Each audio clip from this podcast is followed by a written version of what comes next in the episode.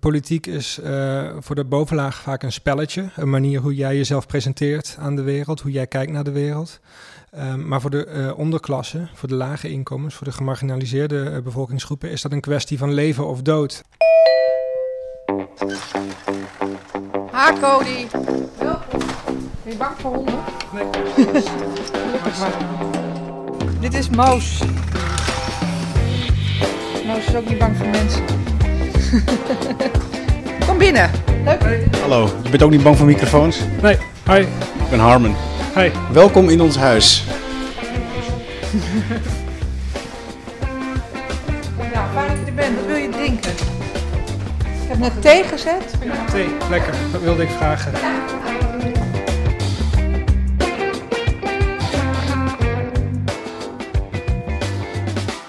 Dan doe ik mijn inleiding. Dit is Rood in Wassenaar.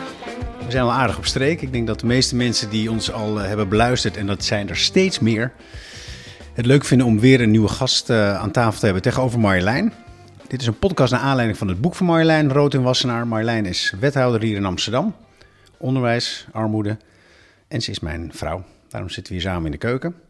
En vandaag hebben we Cody Hoogstenbach, stadsgeograaf, postdoctoraal onderzoeker aan de Universiteit van Amsterdam. En, gefeliciteerd, je hebt een boek uitgewoond. Het ligt tussen jullie in. Zet hem op. Dankjewel. Ja, Cody, ontzettend fijn dat je hier zit aan, mijn, uh, aan onze keukentafel. Mm -hmm. Inderdaad, met een, uh, een boek wat meteen hoog in de bestsellerlijst uh, is terechtgekomen. Ik geloof nummer 13. 13 ja. Wat echt een ongekende hoge notering is voor een boek wat net uit is. Dus gefeliciteerd daarmee. Ja, dankjewel. En Jij ook gefeliciteerd met jouw boek natuurlijk. Dankjewel. Um, maar ik ben ook heel blij dat jouw boek zo uh, ongelooflijk in trek is. Want je hebt een boodschap die mij na aan het hart ligt. Die mij ook al uh, jaren inspireert. Wij kennen elkaar uh, een jaar of vijf, denk ik. Volgens mij, uh, het eerste moment dat ik jou heb leren kennen was toen ik een hoorzitting had georganiseerd tegen de beleggers, of niet tegen, om eens duidelijk te maken wat de invloed van de beleggers was op de woningmarkt in Amsterdam. We hadden daar meerdere experts voor uitgenodigd, ook een aantal mensen die zelf veel panden bezaten in de stad, uh, of bezitten nog steeds, zo on onder andere Prins Bernhard. Die kwam niet, maar jij kwam wel met een hele belangrijke boodschap, uh, namelijk dat die impact steeds groter werd. En, en dat, die zin heb ik vaak gebruikt en van jou geleend, uh, een huis in Amsterdam verdient gemiddeld meer dan een Amsterdammer. En ja. toen dacht ik, nou, die Cody die heeft niet, eens, niet alleen een hele goede boodschap, maar weet het ook nog eens een keer heel goed te vertellen. Nou, dat blijkt ook duidelijk uit jouw boek. Dus ik hoop nog meer mensen het gaan lezen. En we gaan er het komende half uur ongeveer over spreken. Um, wanneer kwam bij jou het idee op om dit boek te schrijven? Want je bent postdoctoraal onderzoeker. Je hebt een Veni-beurs gekregen, wat een zeer prestigieuze beurs is voor een wetenschapper. Meestal ga je dan helemaal diep de wetenschap in. Maar jij besloot het over een andere boek te gooien en een ook behoorlijk persoonlijk boek te schrijven. -hmm. Nou ja, ik denk dat ik met die Veni-beurs ook nog steeds diep de wetenschap induik. Dus dat, dat is niet of-of, maar het is en-en in mijn geval. Dat levert soms drukke weekenden op, maar dat, uh, het is de moeite waard. Ik doe sinds 2013 doe ik onderzoek naar de wooncrisis. Eerst um, vooral in Amsterdam en Rotterdam. Toen was het ook vooral nog in de grote steden. En de afgelopen paar jaar doe ik een landelijk onderzoek. En ik merkte dat ik het niet bevredigend vond. En dat heb jij misschien ook, om alleen maar met de wetenschap bezig te zijn. Maar ik vond het ook belangrijk om mijn, mijn bevindingen en mijn, mijn meningen te communiceren naar een breder publiek. Uh, omdat het zo'n maatschappelijk relevant thema is, waar zoveel mensen uh, iets over willen weten, zich misschien zorgen maken. Dus ik wilde dat graag breder trekken naar een breder publiek. En dat heb ik de afgelopen jaren uh, op verschillende manieren gedaan. Artikelen geschreven, um, columns voor RTL. En toen, heel uh, erg in het publieke debat. Heel erg in het publieke debat op Twitter. En het, het, leek me altijd al leuk om een, uh, om een boek te schrijven over, over de wooncrisis, over mijn onderzoek. En toen kreeg ik eind 2020 een mailtje van Das Mag, de uitgever, of ik dat misschien bij hen wilde doen. En toen, uh, toen dacht ik van ja, dat is eigenlijk wel iets wat al heel lang op mijn wensenlijstje staat. En het leek me ook leuk om op een, met meer woorden, um, verschillende aspecten van mijn onderzoek te kunnen belichten. Aan de ene kant is het echt mijn onderzoek. Ik, spraak, ik, ik, ik spreek aan de ene kant echt als wetenschapper. Ja, het zit, het zit vol, met grafieken en cijfers. Grafieken, ja. Dus dat is echt mijn stem als, echt mijn stem als wetenschapper. Maar ik heb ook een tweede stem. Dat is meer de, de stem die ik als columnist heb gebruikt. Ehm, kritisch, een beetje bijtend af en toe. En een derde stem wilde ik er ook in laten vliegen. En dat was om dat persoonlijke uh, toe te voegen. En ik beschrijf dat ook in mijn boek, maar dat staat ook in, ook in jouw boek. Over dat idee dat het persoonlijke uh, politiek is. Dat dat ook uh, dat is een term die natuurlijk leent uit de tweede golf van het feminisme. En ook een aantal uh, nou, feministische vrienden van mij hebben uh, mij heel erg aangezet van ja, je moet het persoonlijke verhaal, waar ik me lange tijd voor schaamde en een beetje terughoudend over was, dat moet je juist vertellen, want dat zet je boodschap alleen maar kracht bij. En dat klopt volgens mij ook, want het is heel belangrijk om te weten hoeveel dakloze mensen er zijn. Dat is de statistiek.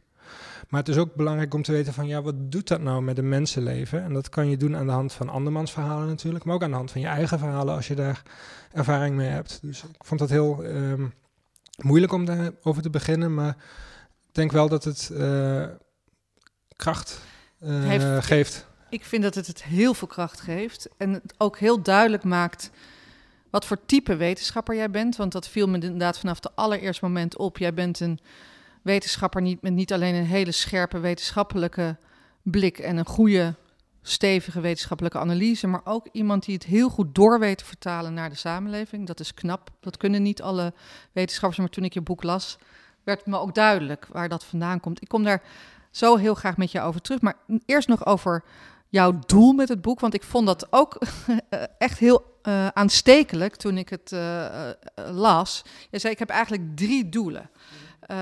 ten eerste, en dat, ja, dat spreekt me enorm aan, zeggen, ja, die wooncrisis, daar gaan we soms mee om alsof het een soort van natuurfenomeen is. Maar het is eigenlijk een gevolg van uh, duidelijke politieke keuzes. Sterker nog, je zegt de wooncrisis is een politiek project. Het is bewust gecreëerd.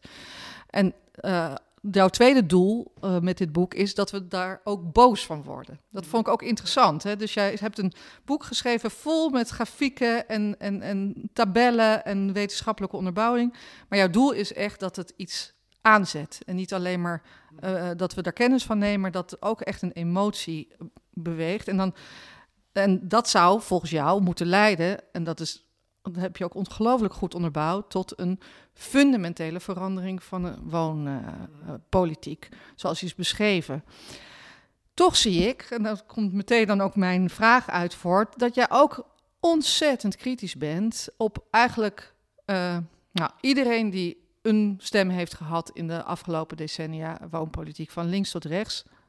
Terecht, vind ik, uh, eigenlijk in alle gevallen.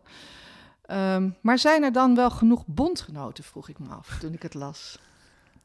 Ja, dat is een goede vraag. Ik weet ook niet of we die bondgenoten in eerste instantie bij de partijpolitiek uh, moeten zoeken. Ik weet ook, ik denk dat het in sommige opzichten ook goed zou zijn als de partijpolitiek even uh, een stapje terug doet en gaat luisteren. Ik denk namelijk dat we die bondgenoten wel degelijk op allerlei andere plekken kunnen vinden. En uh, ik ben heel blij met de woonprotesten van afgelopen herfst. Uh, Melissa Coutouzis is ook een goede vriendin van mij. En ik vind het heel knap hoeveel mensen zij op de been heeft gebracht om te protesteren tegen de woonpolitiek. En om te protesteren voor een betere en rechtvaardigere woningmarkt. Of volkshuisvesting moet je misschien zeggen. Um, dus ik denk dat daar heel veel, heel veel bondgenoten in zitten. En ik denk als vervolgens politici daar zijn die zeggen van bij deze boodschap sluit ik me aan. Daar kan ik me helemaal in, uh, in vinden. Dat lijkt me ook goed. Maar ik denk tegelijkertijd dat um, die fundamentele verandering misschien niet in de Tweede Kamer, misschien niet in de Stopera, maar uh, op straat en tijdens die protesten wordt afgedwongen. Bijvoorbeeld, we, gaan nu, we hebben de verhuurderheffing. Dat was een uh, strafbelasting die woningcorporaties moesten betalen. Kostte bijna 2 miljard euro per jaar, die daardoor niet in de bouw van nieuwe sociale huurwoningen, niet in verduurzaming, niet in onderhoud of het laaghouden van de huren kon worden gestoken. 2 miljard euro, superveel geld. Ja. Met geen enkele goede met rechtvaardiging. dus ook. Want... En die gaat nu verdwijnen. En ik weet vrij zeker dat dat niet was gebeurd zonder maatschappelijke druk vanuit de woonprotesten, maar ook vanuit um, de Woonbond, EDES en andere organisaties. Ja, dat, dit kan ik heel goed volgen, want het is, het is eigenlijk het wal dat de schip moet keren eigenlijk. Mhm. je, je beschrijft heel duidelijk dat decennia woonpolitiek gewoon niet tot de juiste uitkomsten hebben geleid. Dus dat, we, dat het protest wat nu op gang komt, ja, daar moet naar geluisterd worden. Maar we zijn ook niet Tegelijkertijd- toevallig zo in het ja. beleid gerold. Hè? Want eigenlijk de, het beleid wat uitgevoerd is, is gewoon ook gewoon precies zo opgeschreven in beleidsdocumenten. Dus het is niet zo alsof dit een geheim project was. Stiekem, eh stiekeme politiek. Dit staat gewoon al vanaf eind jaren tachtig. Staat dit gewoon in het ene na het andere ehm, visiedocument. De aanval op het sociale huur, verminderen Precies. van het aantal Ja, sociale ja. huurwoningen, ehm, de verheerlijking van koop. Ja, je, dus je, in, je eh, prikt allemaal mythes ook door in jouw boek. Ja, in Amsterdam zijn natuurlijk Ja. de afgelopen 20 jaar 30.000 sociale huurwoningen door woningcorporaties verkocht. En daarbovenop komen ook nog de liberalisering, dus het verhogen van de huren voor andere sociale huurwoningen. Beleggers die de huren hebben verdubbeld, verdrievoudigd of misschien nog gewoon meer. En ook dat, als ik terugkijk naar de, ehm, naar de woonvisie van eh, Amsterdam uit 2007 en eh, in werking getreden in 2009. Daarin werd gesproken over een afname tot wel 70.000 sociale huurwoningen. Dus het was heel doelbewust beleid. En ik heb er ook wel over gespro- gesproken met je voormalige collega Maarten van Poelgeest van GroenLinks. Die vond ook dat het allemaal wel een tandje minder mocht. Dus het is van links tot rechts, ook van de PvdA, ook GroenLinks, hebben actief meegewerkt aan dit beleid. Dus heel terecht zeg je, politici moeten luisteren, want de effecten van dat woonbeleid zijn zo groot en raakt zo de levens van mensen. Het persoonlijk is politiek dat eh, de, wal het schip moet keren en, en dat geldt van links tot rechts. Toch, we staan net voor eh, verkiezingen. Ehm, daarin is natuurlijk de stem wel belangrijk. En mijn vraag aan jou is, denk je nou echt, maakt het niet uit? Denk ik, laat ik het anders formuleren. Hoe zorgen we ervoor dat we weer duidelijker krijgen in de politiek hoe belangrijk eigenlijk die, dat woonbeleid is?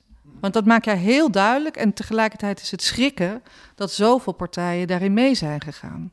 Ja, dat, dat blijft schrikken voor mij inderdaad. Nou, we bewonderen allebei de Franse schrijver Edouard Louis. En hij zegt, ehm, eh, politiek is eh, voor de bovenlaag vaak een spelletje. Een manier hoe jij jezelf presenteert aan de wereld, hoe jij kijkt naar de wereld. Ehm, maar voor de eh, onderklasse, voor de lage inkomens, voor de gemarginaliseerde eh, bevolkingsgroepen is dat een kwestie van leven of dood. En ik was een paar dagen geleden was ik weer op bezoek in de Tweebosbuurt in Rotterdam. Dat is een volksbuurtje wat gesloopt is, omdat er volgens de gemeente en de woningcorporaties ehm, de verkeerde mensen wonen. Die woningen hoefden helemaal niet gesloopt te worden. En dan zie je De verkeerde mensen in de zin van mensen arm. met een te laag inkomen of een en daarmee niet de gewenste bevolkingssamenstelling. Ja, want Rotterdam-Zuid moet mee in de vaart der volkeren en dan moeten deze mensen verkassen, want en zij meer niet aan verdienen dat- is beter. aan dat profiel. Inderdaad. En dan wat, wat daar zie je echt die hele volksbuurt, een hele netwerk, ehm, hele mensenlevens zijn daar gesloopt omdat de eh, politiek en de woningcorporatie iets hadden uitgetekend op een tekentafel met heel weinig begrip. ehm, voor, die, eh, voor die mensen en hun levens daar. Dus daar zie je echt heel duidelijk in het straatbeeld, als je daar nu door die ru- ruïnes loopt, het zijn echt ruïnes, ehm, dat het voor hen een kwestie van leven of dood was. Ja, en, en is want dit is denk ik, dat is in ieder geval mijn analyse, maar dat was ik inderdaad bij jou aan het kijken of jij dat ook zo ziet. Dat dus de mensen die uiteindelijk die beslissingen nemen, dus zelf niet goed genoeg doorvoelen wat het eigenlijk betekent voor mensen eh, in hun dagelijkse leven. In een, is, is dat dan jouw analyse? Dat dus ook partijen die eigenlijk fundamenteel voor betaalbare huur zijn, voor het beschermen van de huursector, zoals GroenLinks, eh, Partij van de Arbeid, dat die daar dan toch te veel in mee zijn gegaan, doordat ze zichzelf dat te weinig hebben gerealiseerd of beseft. Ja, ik denk dat het inderdaad een kwestie is van te weinig realiseren. Ehm, nou, ook een van de thema's die in jouw boek staat, maar wat de afgelopen tijd ook in de media over is gegaan. Van, moet je zelf iets ervaren hebben voordat je voor die belangen kan opkomen? Dat denk ik niet dat dat altijd het geval is. Ik denk dat je soms ook voor andermans belangen kan opkomen zonder dat je precies weet eh, wat er speelt in, in, in, in die levens. Tegelijkertijd denk ik dat het wel helpt. En ik denk dat het voor veel mensen, dakloosheid is voor veel mensen geen reëel risico. Dus ehm, de gemiddelde politicus loopt niet zoveel risico om van vandaag op morgen op straat te belanden. En dat, dat neemt ook wel een stukje urgentie weg om het aan te pakken. Terwijl de gemiddelde politicus zou wel zien dat hun kinderen ook moeilijk eh, aan de bak komt op de woningmarkt. En dat zal misschien net iets meer drive en net iets meer urgentie geven om dat aan te En pakken. pas dan wordt het een probleem. En pas dan wordt het een probleem. Dus ik denk dat dat wel degelijk wel degelijk een rol speelt. Ehm, dakloosheid is namelijk niet onzichtbaar. Ga maar naar de supermarkt en er staat een uh, straatkrantverkoper voor de deur. Maar ja, zo gauw je de supermarkt binnen bent gelopen, um, ben het wel weer vergeten waarschijnlijk. En als ik, wij wonen allebei in Amsterdam-Oost. Als ik door Amsterdam-Oost loop tegenwoordig, zie ik steeds vaker ook mensen in portiekjes slapen. Onder de brug bij, de, bij het treinspoor. Um, ik zie ook tegelijkertijd vaak vijandige architectuur. Dat um, bewoners of winkels uh, spikes hebben aangebracht om te zorgen dat dakloze mensen niet in een portiekje kunnen gaan hangen. Ja, dat, dat vind ik heel veel pijn doen als ik dat, als ik dat zie. Zeker omdat ik weet dat het aantal dakloze mensen in Nederland de afgelopen um, tien jaar ongeveer verdubbeld is. Alsof het een keuze is dat mensen dakloos worden, terwijl... Ja, niemand zou ervoor kiezen. Het is de eerste zin achter op jouw boek. Nederland telt inmiddels 100.000 dak- en thuisloze mensen. Ja. Dat is twee keer de arena gevuld. Ja. Dus dat, uh... En dat zijn dus mensen die elke dag weer een plekje zoeken om te kunnen slapen. Nou, dat is een hele diverse groep. Dat zijn mensen die echt op straat zitten. Het zijn ook mensen in blijf van mijn lijfhuizen die huiselijk geweld ontvlucht zijn. Het zijn um, mensen die van de ene naar de andere bank hoppen of in een auto bivakeren. Soms ook mensen die werken, maar toch s'nachts in een auto slapen. Een groeiende ja. groep inderdaad. Ja. ja. En een van de dingen wat uit... Kijk, ik vind dat je iedereen zou aanspraak moeten maken op een woning. Woning zou echt een recht moeten zijn en een fundament voor menswaardig bestaan. Zo staat het uh, ook gewoon in de grondwet. Ja, en dat zou ook volgens mij de enige overweging moeten zijn. Maar een van de dingen die ik sterk vond aan jouw boek, een van de passages die ik sterk vond, is waarin jij laat zien hoe duur armoede eigenlijk is. Hoe duur huisuitzettingen zijn, hoe duur schulden zijn. Het kost de samenleving gewoon ongelooflijk veel geld. Ik heb iets vergelijkbaars in mijn boek staan waarin ik laat zien dat iedere dakloze persoon kost de Nederlandse overheid, of eigenlijk de belastingbetaler, um, 30.000 tot 100.000 euro per jaar. Dat is een gigantisch bedrag. Uh, voor 30.000 euro kun je best wel een aardig appartementje, ook in Amsterdam, huren. Um, dus het is vele malen goedkoper om dakloosheid op te lossen dan het te laten voortbestaan. En het zou niet eens een argument moeten zijn, want het argument is: nee, we zijn voor een menswaardige en rechtvaardige samenleving waarin dakloosheid geen plek heeft. Ja, ja dus want, eh, voordat je weet, belanden we inderdaad weer in een soort van abstractie van het is gewoon goedkoper mm -hmm. om mensen niet dakloos te laten zijn en dat kost ons allemaal minder. Maar er zit natuurlijk ook gewoon ongelooflijk veel persoonlijk leed onder mm. het feit dat zoveel mensen gewoon nu dak- en thuisloos zijn geworden. Wat het gevolg is van politieke keuzes. Dat maak mm -hmm. jij heel duidelijk in jouw boek. Uh, en jij zegt, eigenlijk valt het ook niet meer te ontkennen, want je ziet mensen overal, mm -hmm. uh, onder andere hier in Amsterdam-Oost. Maar toch zou het kunnen dat jij het misschien wat sneller ziet, omdat jij daar gewoon zelf ook in, in je jonge jaren ervaring mee hebt gehad. Ja. Want een van de verhalen die jij vertelt in je boek, en daar wordt het inderdaad het persoonlijke is politiek, mm -hmm. is over jouw vader. Mm -hmm. uh, onlangs overleden, uh, helaas. Uh, maar hij heeft geen makkelijk leven gehad, waaronder hij twee jaar dakloos is geweest. Mm -hmm. ja. En jij vertelt, en ik heb dat gemarkeerd in jouw boek, omdat ik dat, dat trof me enorm, hoe je dat opschreef ben het even aan het zoeken. Ja, hier pagina 37. Lang heb ik getwijfeld of ik het verhaal over mijn vaders dakloosheid wel moest vertellen. En dan ga je verder over dat je toch hebt besloten dat te doen, omdat veel van de cijfers waar je als wetenschapper mee bezig waren, de indruk wekken van objectiviteit en neutraliteit. Mm -hmm. Terwijl, waarom moeten we hier objectief en neutraal over praten als het mens zo ontzettend treft? Ja, er wordt mij wel eens gevraagd van, is die fundamentele verandering, is dat wel realistisch? En dan mijn tegenvraag, wat ik me steeds meer realiseer, is, dat is, dat is niet zozeer de vraag. Zijn honderdduizend dak- en thuisloze mensen, is dat realistisch? Dat vind ik eigenlijk extreem en radicaal. En dan vind ik het een fundamentele omwenteling die het recht op een thuis centraal stelt. Vind ik een heel realistisch en heel behoorlijk alternatief wat mensen zouden moeten onderschrijven. En dan vind ik de huidige situatie onmenselijk en vreed en extreem en radicaal. Um, want ik weet ook dat in die twee jaar dat mijn vader dakloos was, dat hij, um, hij ervoer, heel veel eenzaamheid, veel schaamte. Ik ervoer dat ook, want het gaat niet alleen om die honderdduizend dak- en thuisloze mensen. Het gaat ook om hun partner, om hun kinderen, zoals ik bij mijn vader, die ook hun levens worden ook getekend. Ja, want om... jij vertelt ook, je zei ik was niet dakloos, -hmm.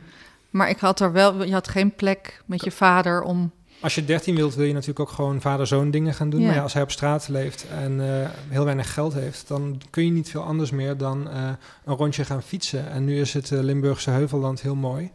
Maar op een gegeven moment ben je daar ook wel een beetje klaar mee natuurlijk. Ehm, en ik, ik, ik schaamde me natuurlijk. Als 13-jarige schaam je je voor alles en nog wat. Je Eh, wil eh, zijn zoals iedereen. ja, jij, jij schaamde je ook, las ik in je boek Ja. eh, over de achtergrond. Ehm, maar je schaamt je op je dertiende al als je de verkeerde trui aan hebt naar school. Dus dat je vader dakloos is, ehm, dat is al helemaal iets om je voor te schamen. Dus ik, ik ontweek als ik met vriendjes was ook bepaalde delen van, eh, van Maastricht waar ik, eh waar ik je wist dat hij daar op dat moment Daar zou waarschijnlijk die, was. kunnen, Ja. zou die kunnen zijn. Dus dan wist ik van, oké, dat is een van de plekken. Nou, better safe than sorry. Ehm, dan neem ik wel een omweg en neem ik wel een andere brug over de Maas. Eh, Ja. ja. Maakte je je ook zorgen? Ja, jawel. Ja, Ja. denk het wel. Ik, als 13-jarige weet je natuurlijk ook niet helemaal wat, het, wat de situatie is. En ik denk ook dat eh, ik veel dingen destijds niet helemaal wist hoe het in elkaar zat. En dat ze dat ook niet echt aan mij verteld hebben. Ook om mij niet, eh, eh, niet ongerust of bezorgd te maken. Van richt jij je nou maar op, op, op de school en dan, dan zorgen wij wel voor de andere dingen. En wat ik ook wel weet is dat mijn vader was toen heel... ehm, maar hij was natuurlijk een winkelier, dus hij kon praten of hij nou met een CEO, een minister of een andere dakloze persoon was. Dat was allemaal om het even, daar kon hij wel een gesprekje mee aanknopen. Dus hij begon zich over de opvang eh, boos te maken en ging eh, daardoor pleiten voor een ander opvangbeleid, kleinschaliger met meer kamertjes. Ehm, en dat werd een betaalde baan als cliëntenraadslid bij het Leger des Heils. En hij begon ook met het aanpakken van zijn schulden. Hij kwam onder bewindvoering te staan. Ehm, en omdat hij die twee dingen deed, eh, hij kreeg een baan en hij nam zijn schulden serieus. Ehm, kon hij weer aanspraak maken op een woning, kreeg hij voorrang. Een urgentiestatus een sociale huurwoning. Omdat dat- hij dat deed. Hè? Want Ja, dat dus vind ik ongelooflijk hoe je dat beschrijft dat realiseerde ik me pas vrij laat. eh, realiseerde ik me dat dat voor hem, dat betekent dat voor hem wonen geen onwrikbaar recht was, maar iets wat hij moest zien te verdienen. Een beloning aan het eind van de rit. En dat is nog steeds hoe het ook in Nederland gaat in veel gevallen. Hij verdiende het omdat hij zelf Omdat betaald werk had gevonden, Ja. omdat hij aan zijn schulden was. Maar dat kon jouw vader, omdat Mhm. hij, eh, doordat hij winkelier was ge- geweest en, en vermogens nou, een stukje omdat, geluk natuurlijk. Ja. Maar als, als hij dat allemaal niet had Mhm, kunnen opbrengen, mhm. dan had hij misschien nog wel veel langer op straat geleefd. Ja, die kans was zeker aanwezig geweest. En eh, ik, ik, ik, ik wil ook benadrukken dat twee jaar ook al lang genoeg is natuurlijk. En eh, is wat, we ook, ontzettend lang. wat we ook zien aan, eh, in, in, in onderzoek over dakloosheid, is dat ook nadat iemand weer een woning heeft gevonden, blijven de littekens. Ehm, bedenk maar, je moet altijd maar zien te rechtvaardigen bij werkgevers, potentiële werkgevers. Wat doet dat gat in mijn cv? Wat heb ik toen gedaan? Het staat meestal niet zo heel goed bij een sollicitatiegesprek dat je toen twee jaar op straat, hebt- straat hebt gebivakkeerd. Ehm, dus die littekens, ook die gevoelens van eenzaamheid, onbegrip, die blijven vaak. Je verliest veel bekenden, veel vrienden, eh, omdat, eh, omdat zij geen steun kunnen of willen bieden. Dus het, En, en ook geen aanspraak op durven maken. Dat Mhm. bespreek je ook heel indringend. Hè? Dus Mhm. dat mensen het gewoon eh, toch zelf proberen op te lossen. En geen de aanspraak op een netwerk durven te maken. En daardoor wordt het ook steeds kleiner. mhm, ja. Als jij nou... ehm, want eigenlijk de, de route die je hebt bewandeld... Hè, eh, je hebt dit meegemaakt en, en later is het je vak geworden om dit te bestuderen. Mhm.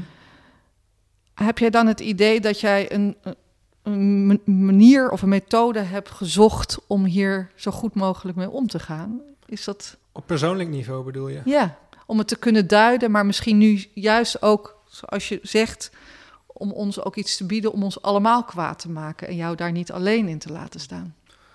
Nou ja, aanvankelijk heb ik er dus heel lang weggedrukt en verkropt. En heb ik het er juist helemaal niet over gesproken. Sterker nog, toen ik hier een jaar of drie geleden een stuk over schreef eh, op One World. Eh, toen lazen vrienden van mijn middelbare schooltijd voor het eerst hier pas over. Dus zij wisten dat toen nog helemaal niet. Dus ik heb het lange tijd verborgen gehouden. Dus ik denk dat dat juist een manier is hoe het niet te doen. Ik denk juist dat het goed is om er open over te spreken. En door te blijven benadrukken, het was niet zijn individuele schuld dat hij op straat belandde. Ehm, en zelfs al was het het geval, dan nog had hij gewoon een woning moeten krijgen. Ik denk dat het belangrijk is om te blijven benadrukken, dit is een politiek verhaal. En dit is een verhaal eh, wat laat zien hoe politieke keuzes ehm, invloed uitoefenen op individuele levens. Dus ik zeg ook ergens in het boek van niet mijn vader moest schamen voor de dakloosheid, maar de politici die eigenlijk indirect weliswaar verantwoordelijk zijn voor het feit dat er dakloosheid bestaat. En niet de, uh, de menselijke en de realistische keuze maken om vanaf vandaag of morgen. Wat mij betreft onteigen je alle hotels of koop je alle hotels af, maar je zorgt er maar gewoon voor. Uh, dat zou een realistische politiek zijn wat mij betreft. Ja, want dat is ook een van de dingen die ik vaak, waar ik jou vaak in citeer. Hè? Jij hebt wel eens gezegd in een, een gesprek wat wij onlangs met elkaar voerden ja, wat is nou eigenlijk radicale politiek? Mm -hmm. want vaak wordt linkse politiek die juist de sociale huur wil beschermen. Uh, al lukt dat dan niet altijd in de praktijk, wat je ook uh, goed aangeeft hoor, maar wel dat als intentie in ieder geval heeft om te zorgen dat huren niet te hoog stijgen, dat je beleggers moet weren.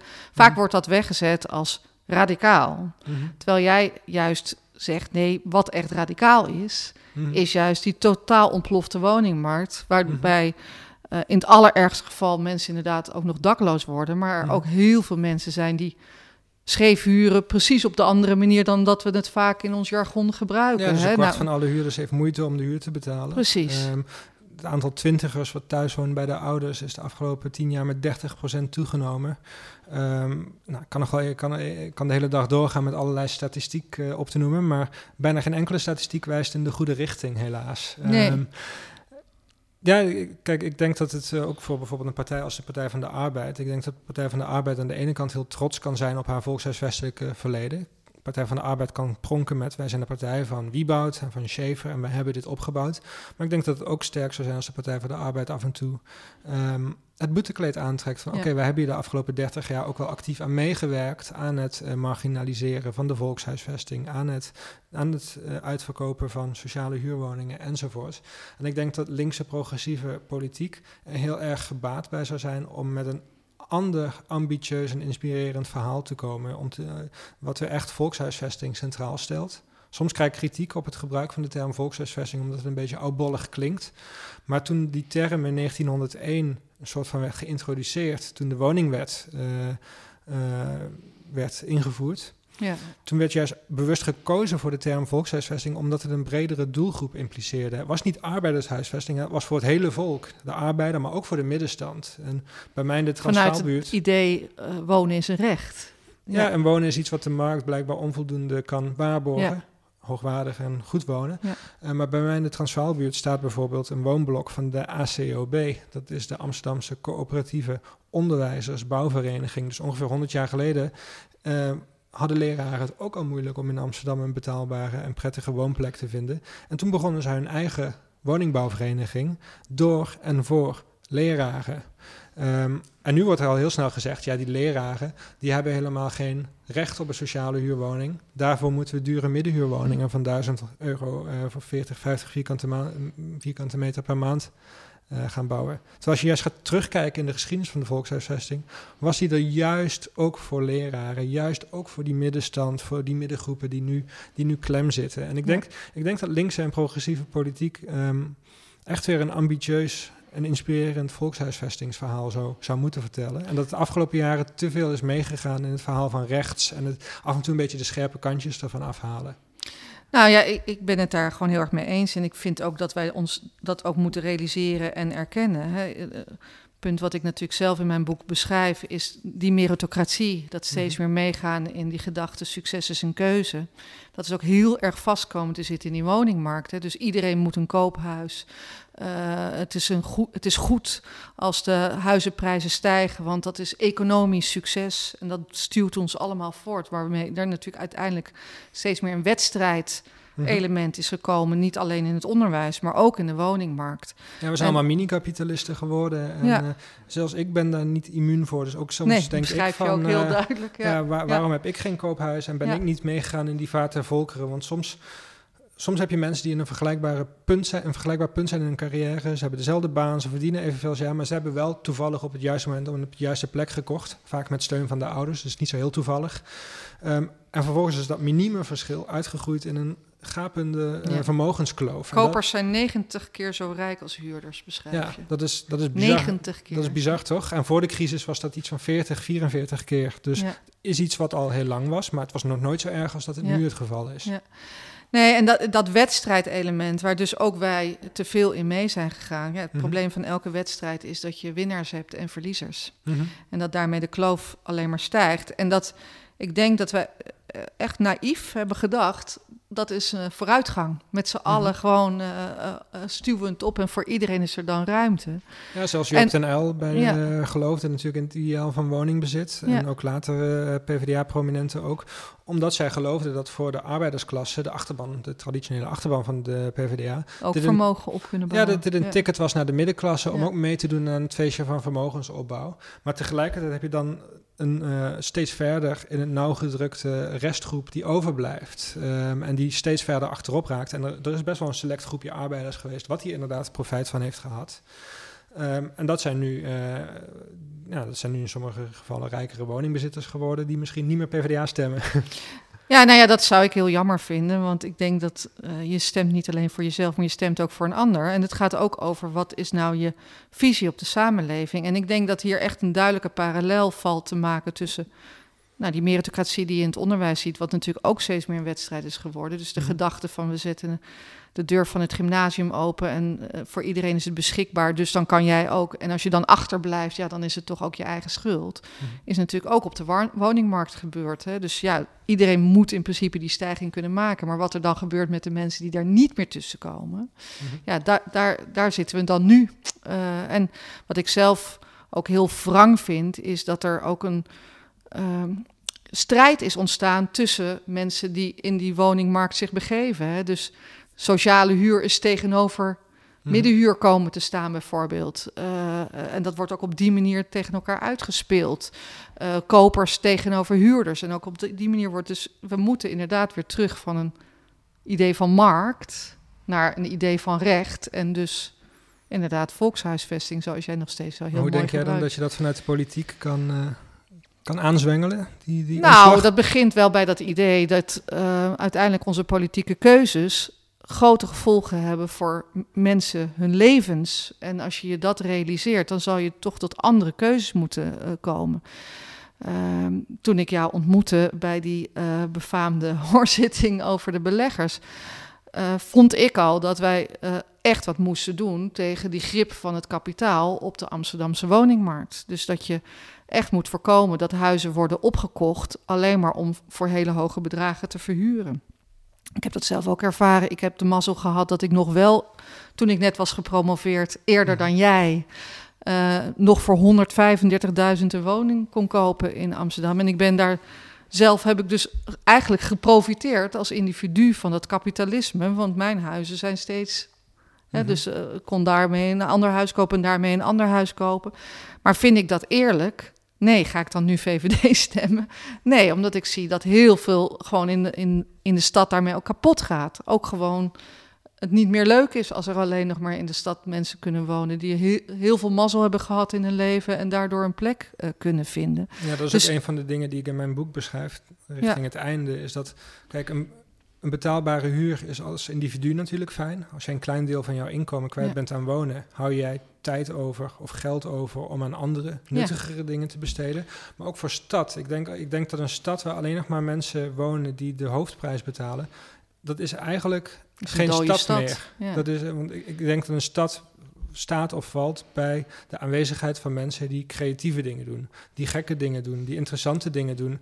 Uh, of die gewoon onze kinderen lesgeven. Of lesgeven. Of, ja, maar dat, dat, ziet, ja. dat ziet iedereen meteen, ja, dat het belangrijk is dat de leraren en verpleegkundigen enzovoorts in jouw stad wonen. Maar ik wil ook een pleidooi hebben voor die uh, schrijver en ook voor die ondernemer die iets, iets nieuws en iets geks wil proberen. Ik woonde zelf in Berlijn. Uh, als student een paar jaar geleden. En daar had ik twee huisgenoten. En één huisgenoot die um, wilde het maken in de muziek. Een andere huisgenoot die wilde een eigen onderneming beginnen met uh, duurzame kleding. En de enige reden dat ze daar heel veel tijd in konden steken was omdat de huur spotgoedkoop was. En zij konden twee of drie avonden per week konden ze werken in een kroeg. En dat was gewoon genoeg. Daarmee haalden ze genoeg geld binnen om uh, te voorzien in hun levensonderhoud. En de rest van de tijd konden zij aan hun, uh, aan hun creatieve bezigheden besteden. En heel veel van die mensen zullen falen en niet bekend worden of niet succesvol worden. maar dat is ook prima. En één of twee van die mensen worden heel succesvol. Rembrandt kwam hier ook uh, ja. berooid in de stad aan. Ja, dus heel veel mensen ja, zijn uh, met uh, ja. geen cent te makken naar steden getrokken, omdat steden de plek waren. Die, die boden jou kansen, die boden jou, en, en, en maar die kansen gedijen alleen maar als er betaalbaarheid is. Dus de neoliberale gedachte is altijd, we moeten vangnetten weghalen, want dan dwingen we mensen om creatief en ondernemend te zijn. Het is juist omgekeerd. Je hebt juist die vangnetten nodig, die stabiele basis. Want dan heb je zekerheden. En een zekere basis biedt jou de kans om gekke dingen te doen, om creatieve dingen te doen en interessant te doen. En gigantisch te falen of een immens succes te worden. Ja, dus we bieden juist vrijheid en het leidt juist tot bruisende steden als we de markt uh, mm-hmm. beperken en, en, en bedwingen en, uh, en, en dat kun je inderdaad doen met een, een, kapitaal bedwingen. Maar vooral ook zorgen dat er voldoende betaalbare woningen zijn. dus, dus ook gewoon alles wat. Ik heb nooit goed begrepen waarom een woning tot 752 euro, wat toch al een behoorlijk bedrag is voor heel veel mensen, mm -hmm. gezien wordt als een soort van gunst. Terwijl het gewoon een een heel normaal huurbedrag is voor een woning die vaak niet groter is dan 50, 60 vierkante meter in de stad. Ja, dus een van de passages die we allebei aanhalen in ons boek is uh, Erik Wiebes, die in 2013 sprak over de keien en dat twee derde van de Amsterdamse woningen sociaal was en daarmee um, verboden toegang voor de keien en daarmee ook dynamiek uit de stad weghaalde. Um, en hij zei van ja, we moeten die woning, die, dat aandeel gereguleerde huur moeten we halveren, zodat ook weer de um, ingenieur uit Delft en de appmaker uit Canada weer een plek weet ja. te vinden in, in Amsterdam. Um, ik zie dat juist helemaal omgekeerd. Ik denk juist dat die kei, wil je zorgen dat die kei zichzelf kan ontplooien en uh, haar maximum kan behalen, dan moet je zorgen voor een betaalbare huur. En als ik naar mijn eigen woonsituatie kijk, ik huur dus een appartementje in de Transvaalbuurt in Amsterdam-Oost, 67 vierkante meter voor ongeveer 1100 euro per maand. Dat vinden de meeste mensen inmiddels een goede deal voor Amsterdam binnen de ring. Um, en inderdaad, de belegger om de hoek vraagt 1600 of 1700 euro voor een vergelijkbare woning. Maar ik vind dat heel veel geld, want dat is een 100 jaar oude woning, gebouwd door een socialistische woningbouwvereniging, eigen haard, voor de arbeiders. Um, nou, die woning is 100 jaar oud, lang afbetaald, is wel een keer gerenoveerd, maar met gipsplaatjes en met, uh, met het meest basale bruinzeelkeuken wat je je kunt voorstellen. Dan vind ik 1100 euro een gigantisch bedrag en dan vind ik 500 euro eigenlijk veel realistischer en schappelijker. Toch weer het realistisch, wat is nou realistisch? Ja, waardoor mensen ook gewoon een leven kunnen leiden en talenten kunnen ontplooien. Misschien ook nog wat zorgtaken kunnen verrichten. Ja, dan zou ik interessantere dingen kunnen gaan doen. Ja. um, jij zegt heel duidelijk, hè, het is het gevolg van politieke keuzes. Je hebt een pleidooi voor fundamentele verandering, wat ik zelf heel hoopvol vind in jouw boek. Uh, en waarin ik het in jouw analyse gewoon ook ontzettend eens ben, is dat als het een politieke keuze is, dan kan er dus ook een verandering plaatsvinden. Zeker. Hè? We ja. hoeven het niet te laten gebeuren. Mm -hmm. Het kan. Jij zei zelf ook al, ja, ik ben soms een beetje mijn hoop verloren in de politiek. Het moet van onderop komen, maar uiteindelijk mm -hmm. is de politiek toch de plek waar je tot die verandering moet komen. Er zullen mm -hmm. wetten moeten veranderen, er zullen beleidsnota's, zoals jij ze allemaal zo goed hebt doorgevlooid, uh, op een andere manier moeten worden geschreven. Uh, ik denk dat jij zelf hebt gezien in de jaren dat jij hiermee bezig bent, dat er steeds meer steun is gekomen. Niet voor niks staat jouw boek uh, hoog in de bestsellerlijst. En gewoon de term wooncrisis, dat is ook al opvallend. Is gemunt, dus, uh, ja. De, ja. Lotfi Al-Hamidi, een journalist van NRC, had uitgevogeld dat de term wooncrisis pas in 2019 voor het eerst verscheen in de NRC. Oh ja? En ook voor het eerst in het Parool in 2019. Trouw voor het eerst in 2019. Ja. Volkskrant was al in 2018 in een opiniestuk van mijn hand. Dus dat... Uh, Kijk. En ook in de, kamer, ook in de, kamerstukken, ook in de kamerstukken viel de term wooncrisis pas voor het eerst in 2019. En ik denk dat dat een eerste stap is, dat we het benoemen en dat we er handen en voeten en woorden aangeven. Uh, dat is een, een, bewustzijn wat heel belangrijk is. En vervolgens is het zaak om uh, met structurele uh, en betere alternatieven te komen. En daar moeten we nu denk ik aan werken. En de vraag is welke rol speelt partijpolitiek? ik denk dat politiek zich niet beperkt tot eh, wat de PvdA en VVD in de Tweede Kamer doen of in de Stopera. Maar politiek kan ook op straat gebeuren. Zeker, maar uiteindelijk moeten natuurlijk de volksvertegenwoordigers met elkaar de juiste moeten keuzes politieke, maken. moeten politieke partijen zelf met nieuwe ideeën komen? Of moeten zij ideeën uit de samenleving eh, overnemen en Zeker. in werking brengen? Dat Ja. zal altijd een combinatie en een wisselwerking tussen die twee zijn, Ja. denk ik. Zoals jij mij ook veel hebt geleerd in de afgelopen jaren. Waarvoor ontzettend veel dank. Tot slot mijn vraag.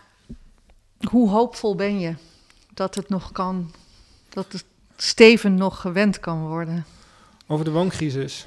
Kijk, als ik het over de klimaatcrisis heb, dan kan ik meteen in een eh, depressie schieten. Maar ehm, kijk, de wooncrisis denk ik wel dat als daar genoeg steun is van uit de maatschappij, dan zou je al best wel snel een aantal maatregelen kunnen nemen. Of beter gezegd, een aantal maatregelen van de afgelopen tien jaar kunnen terugdraaien. Om al wat soelaas te bieden, om al mensen een betaalbare huur te gunnen, om de... eh, Verhuurdersheffing, ja, die gaat er gelukkig af. Ehm, puntenstelsel aanpassen, ja, er zijn heel veel praktische maatregelen. Ehm, WOZ, locatie uit het woonstelsel halen. Ja, nou, ik vind Ja. eigenlijk dat de WOZ een negatieve bijdrage moet leveren. Want Ja. op de dure plekken is meer tegenwicht vanuit de, eh, tegen de markt nodig. Ehm, maar ik denk ook dat het belangrijk is dat we niet meteen vervallen in een paar technische tweaks, maar dat dat een eh, coherent onderdeel moeten zijn van een fundamenteel alternatief. Anders ga je de ene slechte maatregel schrappen, maar kom je vervolgens met de andere slechte, slechte maatregelen. Dus bijvoorbeeld de jubelton gaat nu verdwijnen. De ton die rijke ouders belastingvrij aan hun kinderen mogen schenken. Hele goede maatregel om die af te schaffen. Ehm, of een heel goede beslissing om die maatregel af te schaffen. Vervolgens zie je dat er wel nu allerlei gemeentes startersleningen gaan introduceren of duurhuurhypotheken gaan introduceren, waarmee huurders die nu veel betalen een hogere hypotheek kunnen afsluiten. Nou, dan vervang je het ene prijsopdrijvende slechte instrument, de jubelton, door allerlei nieuwe slechte prijsopdrijvende instrumenten. Dus laat alsjeblieft niet alleen eh, met concrete maatregelen uitdenken, maar maak dat onderdeel van een, van een coherente visie op, op, op wonen en op de maatschappij. Ontzettend veel dank voor, voor je boek, Cody. Eh, en eh, heel veel dank voor dit gesprek aan onze keukentafel. Dankjewel Cody. En volgens mij is het allerbelangrijkste wat ik heb onthouden is... eh, zolang Erik Wiebes zich er maar niet mee bemoeit. Met hoe Amsterdam eruit gaat zien. En wat ik ook echt nog wel heel mooi vond... is dat een stad zonder muzikanten, creatievelingen en, en gekke mensen... inderdaad echt een verschrikkelijke stad is. Dankjewel. Dit was Rood in Wassenaar. Bedankt voor het luisteren. Ben je benieuwd naar de boeken van allebei de sprekers hier? Ze liggen nu in de winkel, Uitgewoond en Rood in Wassenaar. Ondertussen gaan wij ook weer verder, toch nog met deze serie. Mijn naam eh, is Harmer van der Veen. Ik ben Marjolein Moorman. Tot horens. Dankjewel. Mooi. Ja.